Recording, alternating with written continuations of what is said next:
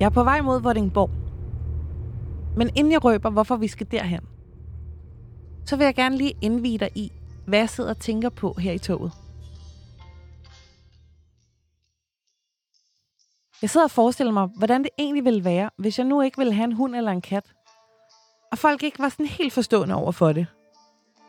Og de var sådan, hvorfor vil du ikke have en hund? Alle skal da have en hund. Du skal nok få lyst en dag. Jeg troede heller ikke, jeg ville have en hund, da jeg var på din alder. Er du ikke bange for at blive ensom, hvis du ikke får en? Du kommer nok til at fortryde det, hvis du ikke får en hund. Nu er jeg jo generelt imod, at man sammenligner børn med dyr. Men det havde da været mærkeligt. Og du må ikke misforstå mig. Jeg har ikke noget imod hunden. Jeg har bare ikke lyst til at få en. Og sådan har jeg det jo egentlig også med børn. Jeg er jo ret sikker på, at jeg ikke vil have børn. Men det er altså en svær beslutning at tage, når jeg ikke har prøvet at have et barn før. Så hvordan beslutter jeg mig lige for det? Og hvordan kommer mit liv til at se ud? Bliver jeg ulykkelig? Ensom? Og er der noget galt med mig, når nu jeg ikke har lyst til at formere mig?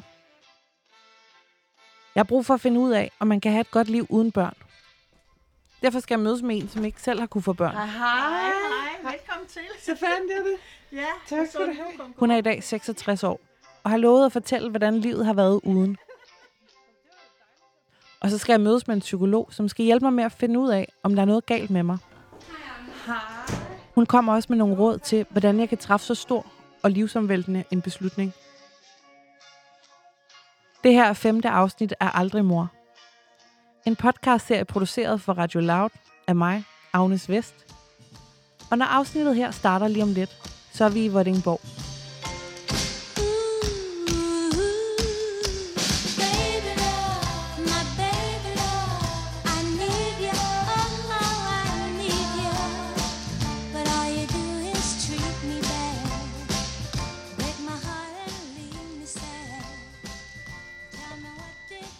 Så er vi ankommet til Vordingborg.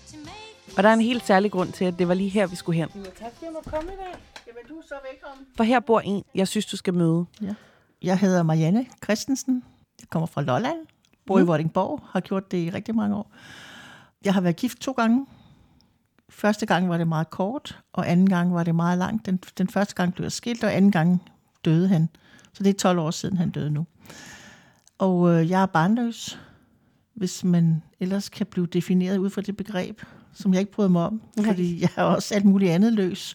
Jeg er også øh, motorcykelløs, for eksempel, eller alle mulige andre ting løs. Så øhm, ja, jeg har arbejdet som lærer det meste af mit liv. De sidste 10 år har jeg været selvstændig som historiefortæller, og, øhm, ja, og så i de senere år igen er jeg begyndt at skrive. Og så er hun coach. Men jeg har fundet frem til hende, fordi hun har skrevet en bog, der hedder Det sidste led. Den handler om folk, der ikke får børn, og derfor er det sidste led i familien. Mariannes stamtræ slutter også ved hende. Men jeg synes egentlig, at hun selv skal have lov at fortælle sin historie om, hvorfor hun ikke har børn. Det har jeg ikke, fordi jeg kunne ikke få børn. Altså jeg har prøvet, det er helt 100% mange gange, både med den første og med den anden mand, men øhm, sagen er, at jeg som ung havde øh, en sygdom, der hedder endometriose. Og jeg kan ikke se, at der skulle være andre årsager til det, men det betød, den her endometriose betød, at min, altså vævet i mit underliv var vokset sammen, og at øhm, det spærrede så for, at mine æggeleder fungerede, som de skulle. Så du ville gerne have haft børn? Ja, ja. Jeg ville gerne have haft et helt fodboldhold, hvis det var. jeg kommer også selv fra en stor familie med fem, vi fem søskende. Så jeg ville gerne have haft børn, og jeg ville også gerne have haft mulighed for at altså påvirke et, et menneske og føre mine gener videre. Og hvornår gik det sådan op for dig, at du ikke øh, ville komme til at få børn? Altså lægerne kunne ikke fortælle mig, at, at det ikke kunne lade sig gøre. Så det var faktisk først, da jeg var 42, hvor jeg fik fjernet min livmor, at nu var det definitivt umuligt. Fordi indtil da, der, der troede jeg jo på, at der var et håb. Selvom vi altså i de senere år snakkede vi jo ikke så meget om det, men jeg tror, det er indbygget i, i en kvinde, at hvis man ønsker sig at få børn, så er menstruationen simpelthen en katastrofe, og den kommer jo en gang om måneden. så der er ikke nogen vej udenom. Hvordan accepterer du det med, at okay, men så, skal jeg bare ikke have børn. Så er det ikke den vej, jeg skal. Ja, det var jeg jo nødt til. Fordi, altså, min livsindstilling er, at vi har nogle vilkår. Der- er mange, der siger, at vi kan vælge alting selv, at du kan vælge det liv, du gerne vil have. Ja, det synes jeg også til en vis grad, men, men der er altså nogle vilkår, som man ikke kan vælge, og, og i første tilfælde, at, at jeg havde valgt en mand, som havde dårlig sædkvalitet, og af den grund i hvert fald ikke kunne få børn, fordi oddsene var så dårlige, men også, at jeg så havde haft en sygdom, som gjorde, at jeg ikke kunne få børn. Og det er ikke noget, jeg havde valgt. Jeg havde, det var et vilkår for mig. Så øhm, jeg tror, at, øhm, at jeg parkerede den sorg, som det jo har været, at jeg ikke kunne få børn, fordi jeg virkelig, virkelig gerne ville have børn. Så, så, så den her... Ja, jeg tror, jeg, jeg accepterede det ved at parkere sorgen, og så ved at, at sige til mig selv, jamen, det er så noget, du ikke kan, men så se på, hvad kunne jeg så i stedet for? Og det har jo været, altså der har mit liv jo været fantastisk, fordi jeg har kunne gøre lige, hvad jeg havde lyst til, og så har jeg jo kunnet se rundt på venner og, og, og bekendte og veninder, at det er ikke altid en dans på røde roser at få børn. Tværtimod har jeg oplevet mange, der aldrig har sagt, de har fortrudt det, men som jeg kan se, øh, de ville godt måske have ønsket sig noget andet Ja. bagefter. Ja, hvordan var det ligesom, da alle venner og veninderne så begyndte at få børn? Så synes jeg, at det var svært. Det var virkelig svært, fordi jeg havde jo mit ønske, og, og, og for hver gang der var nogen, der blev gravid, så var det jo en konfrontation af min utilstrækkelighed, som jeg opfattede det som. Mm.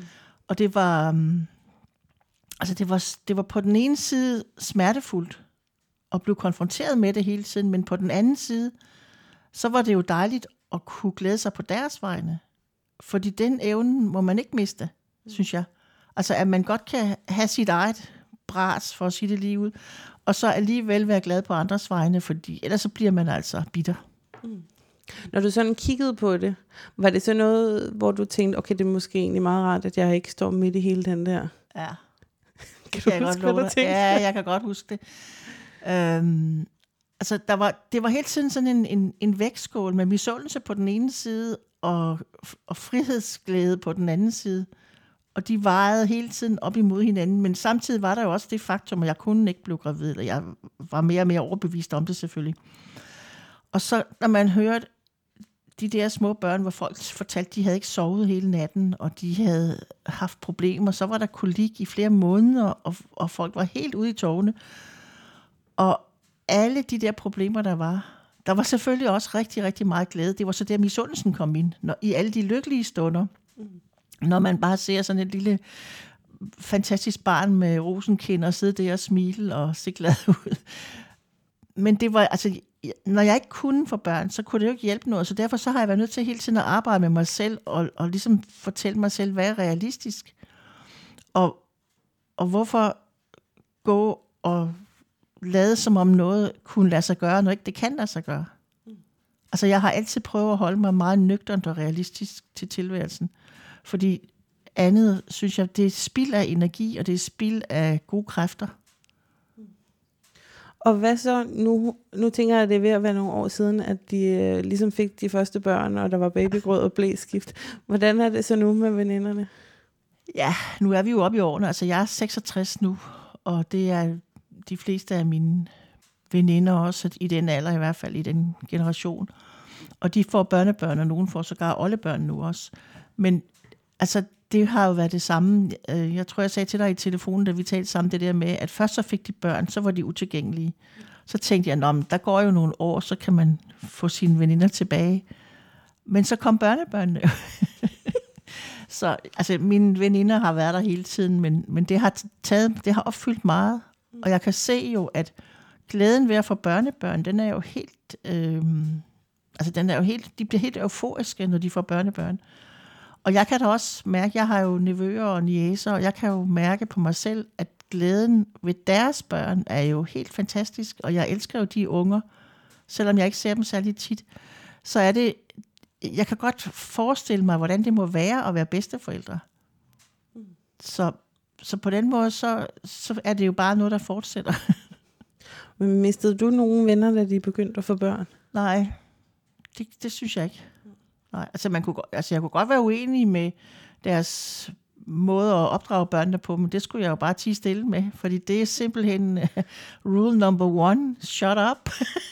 Altså, der må man slet ikke sige noget. Nej, det er tabu. Okay. Jeg tror, at når jeg tænker på sådan fremtiden øh, uden børn, så tænker jeg rigtig meget på frihed og på at tage ud og rejse og egentlig bare sove længe i weekenden og lave alt muligt. Er det sådan, det har været for dig? Ja, ja. Ja, det er det. Det har, øhm, jeg har rejst meget, rigtig meget, og jeg har, jeg har ikke skulle spørge om lov. Altså, jeg har jo også haft flere penge til rådighed, fordi jeg, jeg har fået den samme løn, som mine venner og veninder har fået i de jobs, vi nu engang har haft.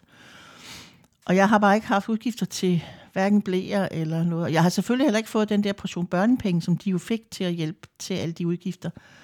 Men jeg skulle ikke ud og købe børnesæde og større bil og alle de her ting, som folk så bliver nødt til at investere i, fordi det, det, der følger jo et ansvar med at få børn, hvor man er også nødt til at sørge for, at de har det godt jo. Så, øh, så det har været frihed, ja. Og også, altså, kunne sove længe, kunne gøre, hvad man vil. Og det kan, det, altså, jeg har muligvis udviklet en vis form for egoisme, fordi jeg altid bare kunne gøre, hvad jeg ville. Så det har været den anden side af savnet. Så, så nogle gange, altså jeg har som regel ikke savnet at have børn, fordi jeg ville jo heller ikke, altså jeg havde jo ikke børn, så jeg har ikke savnet det på den måde. Det er mere ønsket om at få dem, der har, der har fyldt i sin tid. Men så har du bare lavet lige, hvad du ville i stedet for. Ja, jeg har altid. Jeg har drønet afsted på kurser. Det har, jeg har, hele mit voksne liv har jeg gået på mange kurser, og jeg har haft rigtig mange interesser. En anden ting, som jeg også tit får at vide, øh, når jeg siger, at jeg ikke vil have børn, det er, at øh, om jeg ikke er bange for at blive ensom. Ja. Er du blevet ensom? Ikke mere, end jeg selv vil. Mm. Altså, jeg har jo veninder. Dem, der stadigvæk lever, har jeg jo stadigvæk. Eller jeg har fået nye veninder igennem årene, fordi jeg har haft så mange forskellige interesser igennem livet, at jeg har veninder og venner og bekendte i forskellige øh, interesseområder. Og altså, der sidder jo enormt mange ældre rundt omkring på plejehjemmene, som har masser af familie, men de bor måske langt væk i udlandet, eller bare langt væk i Danmark, eller måske gider de bare ikke komme. Så, så på den måde, så er jeg ikke anderledes stillet end alle andre. Og det er ens egen opgave, synes jeg i hvert fald selv, at sørge for at have et netværk. Og holde det ved lige. Så, så det synes jeg ikke, du skal være bekymret for. Fordi hvis du er levende og udadvendt i, din, i dine interesser, og du gør det, du har lyst til, så vil du hele tiden møde nye mennesker. Og man kan godt få nye venner, selvom man er gammel. Har du fået nogen sådan kommentarer på det med ikke at have børn igennem livet? altså jeg har, jeg er jo blevet spurgt. Altså det, det er lidt forskelligt, hvordan folk de spørger. Nogle siger, øh, om man har børn, og andre siger, hvor mange børn har du. Eller også nu i min alder, så siger de, "Nå, men har du så fået børnebørn? Okay. Og så siger jeg bare, nej, det kniver lidt, fordi jeg har ikke nogen børn, så jeg ved ikke lige, hvor de skulle komme fra. ja. Så den kommer simpelthen igen, det der med. Så Ja, ja, først skal man lige igennem, hvor mange børn har du? Ja. Øh, og så skal man så senere, ja. Ja. har du fået børnebørn? eller? Ja. Okay. Shit. og bor dine børn i nærheden. Eller sådan. Altså, der er mange, der går ud fra, at man har børn. Så det er sådan lidt underligt. Det er også derfor hele tiden, jeg, jeg har det der, den problematik omkring det med at definere sig selv som barnløs. Fordi for mange mennesker er det en selvfølge, at man har børn. Det er jo en måde også at samtale på, ikke? Også om, hvor mange børn har du så, og hvor mange børnebørn har du, og sådan noget. Og jeg kan også huske, i lang tid, der generede det mig groft, når jeg skulle se billeder af børnebørn. Fordi det var altså virkelig, virkelig, virkelig uinteressant. Men så er der så sket det, mine nevøer har fået børn. Og de unger er jo guddommeligt skønne. Så jeg har jo selv lyst til at vise billeder frem af de små. Og jeg skal virkelig tage mig i det. Fordi jeg tænker bare, hvad skal andre mennesker bruge til, at jeg er vildt forelsket i, øh, i en lille pige der, ikke også? Så, så det, det tager jeg mig i. Og jeg, hvis, hvis, øh, hvis der så er nogen, der begynder at vil vise mig deres børnebørn, så bytter vi. Så kan vi bytte billeder. så, så, så det må jo være sådan et eller andet behov, man har for at vise noget frem. Altså, så, det er jo ikke engang mine. Det er jo i min familie. Jeg tænkte lidt over, sådan, er det provokerende eller tavligt, at jeg er her og siger, at jeg ikke vil have børn? når det ikke var noget, du kunne vælge til? Nej, nej, slet ikke. Altså, jeg går virkelig ind for menneskers frie valg. Men jeg synes, det er sejt, at du øh, siger, at du ikke vil have børn, fordi det viser jo, at du har taget en beslutning, eller det tror jeg da, du har i hvert fald. Så skal du bare stå ved det, og så må du tage de øretæver, der kommer, og den sorg, du måske kommer til at opleve på et tidspunkt, hvis du fortryder. Men den vil ikke kunne overskygge den frihed, du har ved ikke at have børn. Og det spændende liv, du kan komme til at leve. Du kan også have et spændende liv med børn. Du kan rejse med børn. Du kan gøre alt med børn. Men, men der er altså alligevel nogle begrænsninger. Og, og noget ansvar, noget økonomi.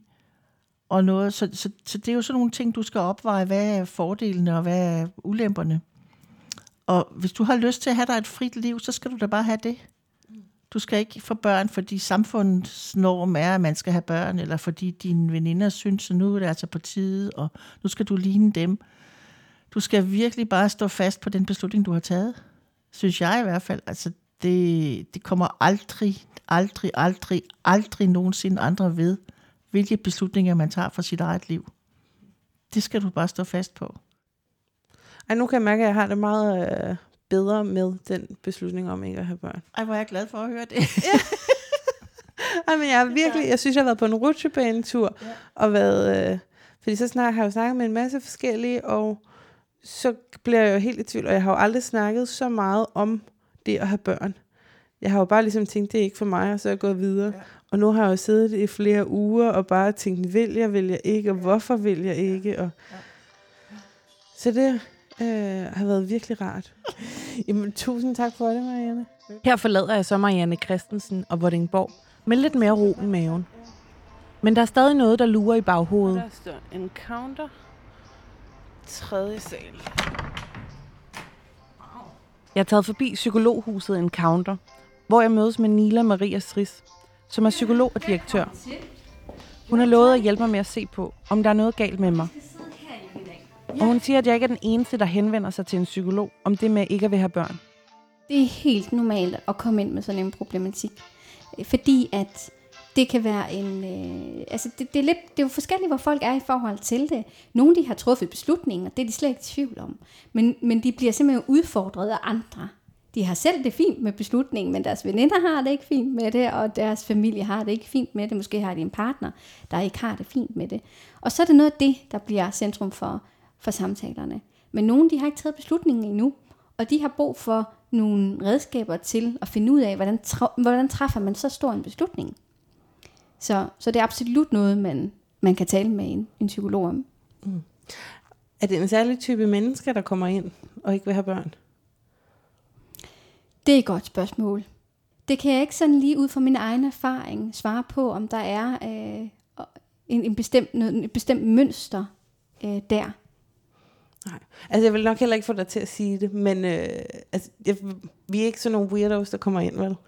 Nej, det kan jeg svare fuldstændig klart og tydeligt på, at det, det, er, øh, det er man ikke, når man har en øh, præference, som, som andre men- mennesker måske ikke har. Det gør ikke en skør eller mærkelig.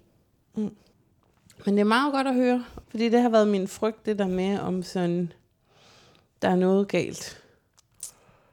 Og det kan jeg godt mærke, det er fordi, at jeg, og måske føler jeg mig ikke som en weirdo, men jeg føler mig helt klart anderledes, og øh, bryder et eller andet. Og, og når jeg prøver at spørge folk, hvorfor de gerne vil have børn, har de også ligesom svært ved at sætte ord på det. Mm. Og når de har svært ved at sætte ord på et eller andet, så føler jeg ligesom, at okay, så er det en eller anden naturlig ting. Og hvorfor har jeg så ikke den lyst? Det kan være absolut helt lige så naturligt at føle, at man ikke har lyst.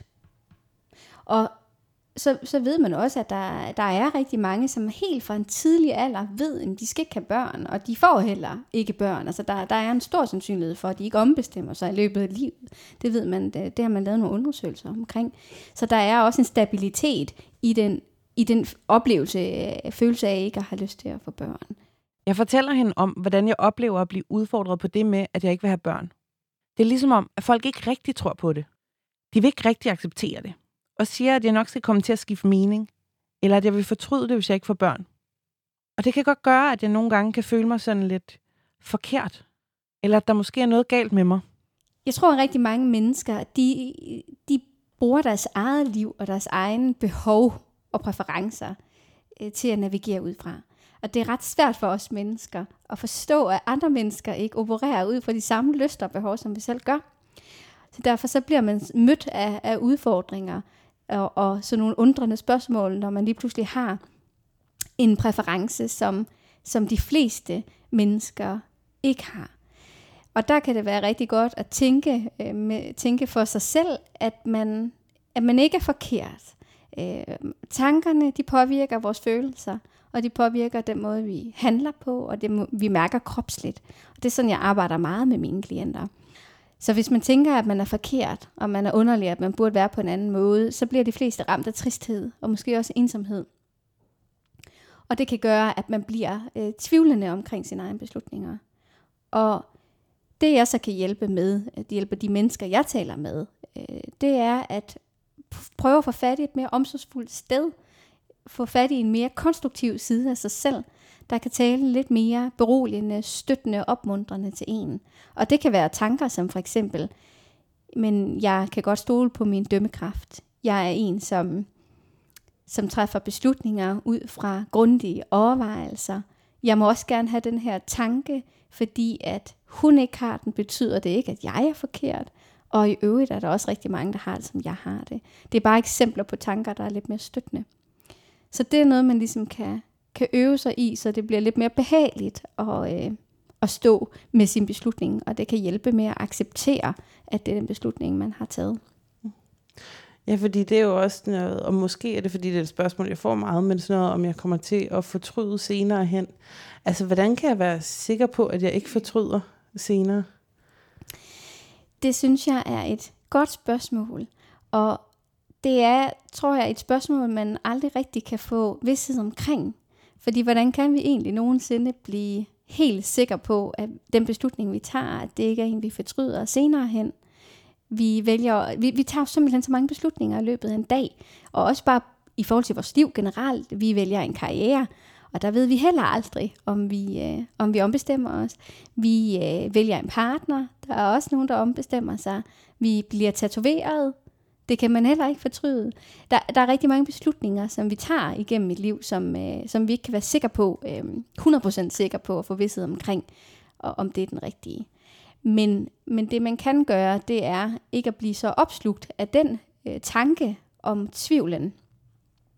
Og så igen få fat i tanker, som støtter en i, at man, man har gjort sig de overvejelser, der skal gøres, lavet den research, der skal laves, mærket efter, givet det tid, som jeg jo også synes, man skal gøre, når man træffer en beslutning, som man ikke kan, hvor man ikke kan ombestemme sig, der ikke er nogen fortrydelsesret, på et tidspunkt i hvert fald.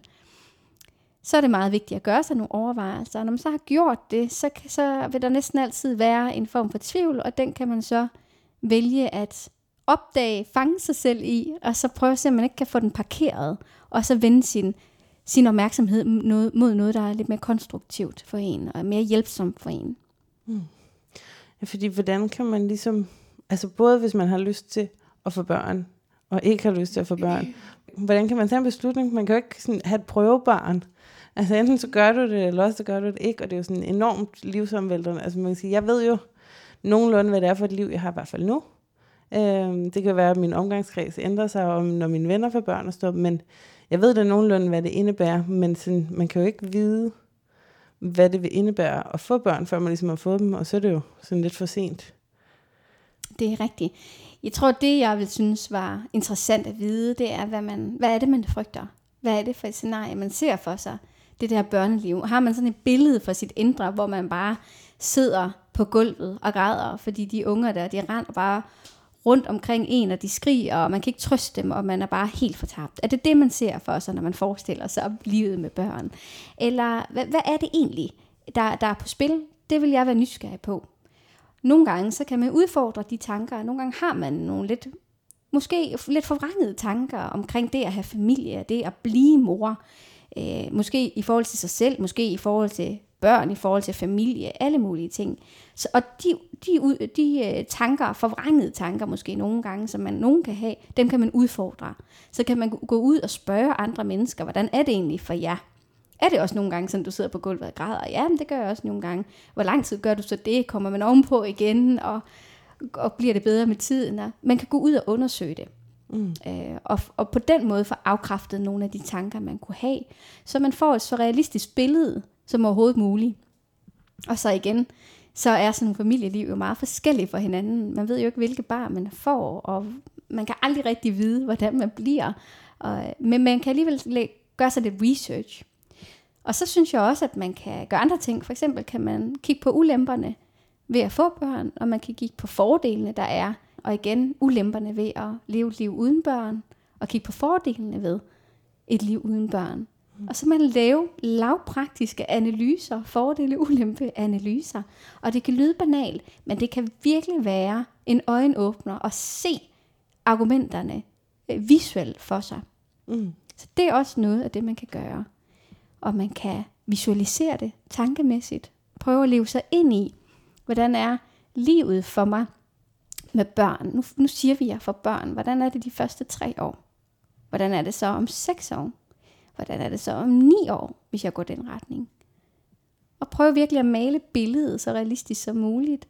Mærk efter, hvordan det føles, hvordan det virker på en. Og så kan man igen tage den anden retning og visualisere. Nu tager jeg tre år af mit liv, hvor jeg ikke har børn.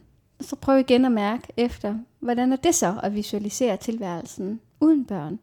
Og så kan man holde de forestillinger op imod hinanden. Og så på et tidspunkt acceptere,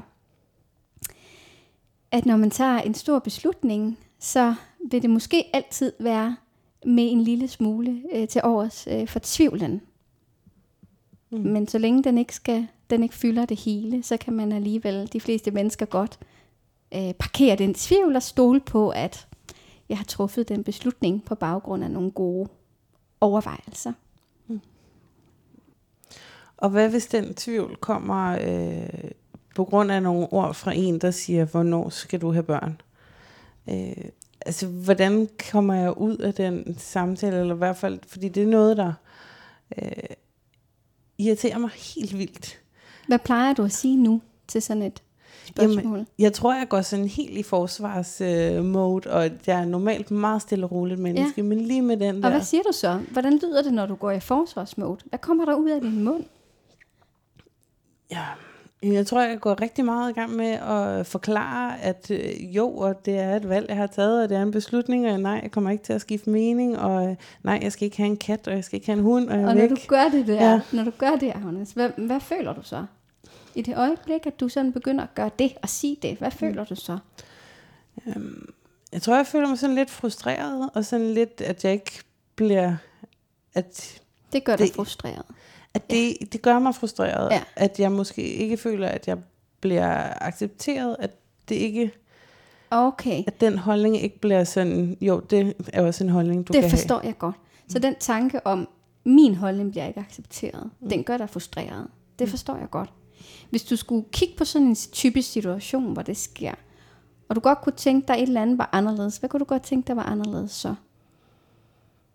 Mm. Hvad kunne du godt tænke dig at gøre anderledes?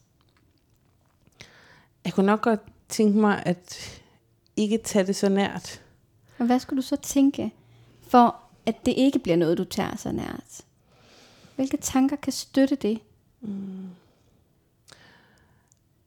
Altså jeg tror, at tidligere der sagde du noget om, at folk kan godt have svært ved at øhm, sådan forstå mm. andre folks holdninger, hvis det ikke mm. er der, fordi man, hvis det ikke er der, de selv står. Ja. Altså så hvis det for eksempel er folk, der har børn, Mm. som ligesom siger, at jeg kommer til at skifte mening, og jamen, så skal jeg jo da nok have en hund eller en kat eller et eller andet. Ja, At der tror jeg måske, det vil kunne hjælpe øh, at tænke lidt over, at det er fordi, at de ikke vil kunne forestille sig et liv uden børn. okay. Prøv at dvæle lidt ved den tanke. Hun siger sådan, fordi hun ikke kunne forestille sig det liv for sig selv. Mm. Hvad mærker du? Hvad føler du? Når det er den tanke, du tænker. Altså, så tror jeg, det er mere stille og roligt, fordi så er det ligesom sådan på deres, det må de selv om, -agtigt. Ja. Og hvilken følelse giver det dig? Bliver du frustreret? Nej. Nej. Hvad så? Øhm, jeg tror bare, det, ved jeg, ikke, det føles i hvert fald ikke så nært. Nej. Så er det måske lidt mere neutralt i virkeligheden. Ja. Og hvis det er sådan, du godt kunne tænke dig at have det i den situation, så er det vigtigt, at du får skrevet den tanke ned, så du øver dig i den, husker den. Også inden du står i situationen, så ligger den lidt mere på ryggraden, så du ret hurtigt kan tænke, ah, nu står jeg i den situation, hvor vedkommende siger det her, men det er faktisk fordi, at hvad? At de selv ikke ville kunne forestille sig livet uden børn. Lige præcis. Og du vil kunne mærke en ro. Mm. En mere neutral følelse. Det vil kunne hjælpe dig. Her slutter min samtale med psykolog og direktør i Psykologhuset Encounter, Nila Maria Stris. Jeg tror helt sikkert, at hendes råd kan hjælpe mig med at blive mere sikker på min beslutning. For når jeg laver en liste over fordele og ulemper, så er det en meget lang liste over ulemper.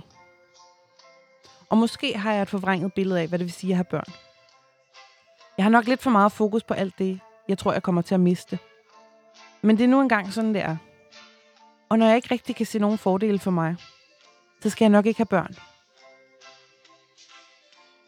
Og jo, der er jo selvfølgelig en lille sandsynlighed for, at jeg en dag bliver ramt af en helt ustyrlig lyst til at få børn. Men jeg kan også blive ramt af en bus. Man kan altså ikke gå og planlægge efter, at jeg måske en dag bliver ramt af noget. Så det kunne være fedest, hvis det ligesom bare bliver accepteret, at det er ikke alle, der skal have børn. Og at man sagtens skal have et godt liv uden. Især når forskningen peger på, at flere kommer til at gå gennem livet uden børn. Ifølge en fremskrivning, som Rockwool-fonden har lavet, så vil hver femte danske kvinde, der i dag er i begyndelsen af 30'erne, være barnløs, når de fylder 45.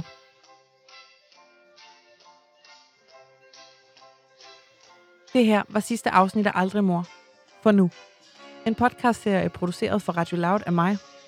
Mit navn er Agnes Vest. Toge Witt har været redaktør. Peter Sejersbøl har hjulpet med musik. Anton Larsen har stået for coverbilledet.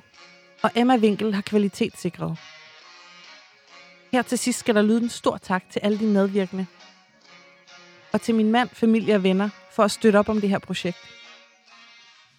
Og så selvfølgelig til dig, som har lyttet med. Tusind tak. Nu skal jeg fandme have en øl.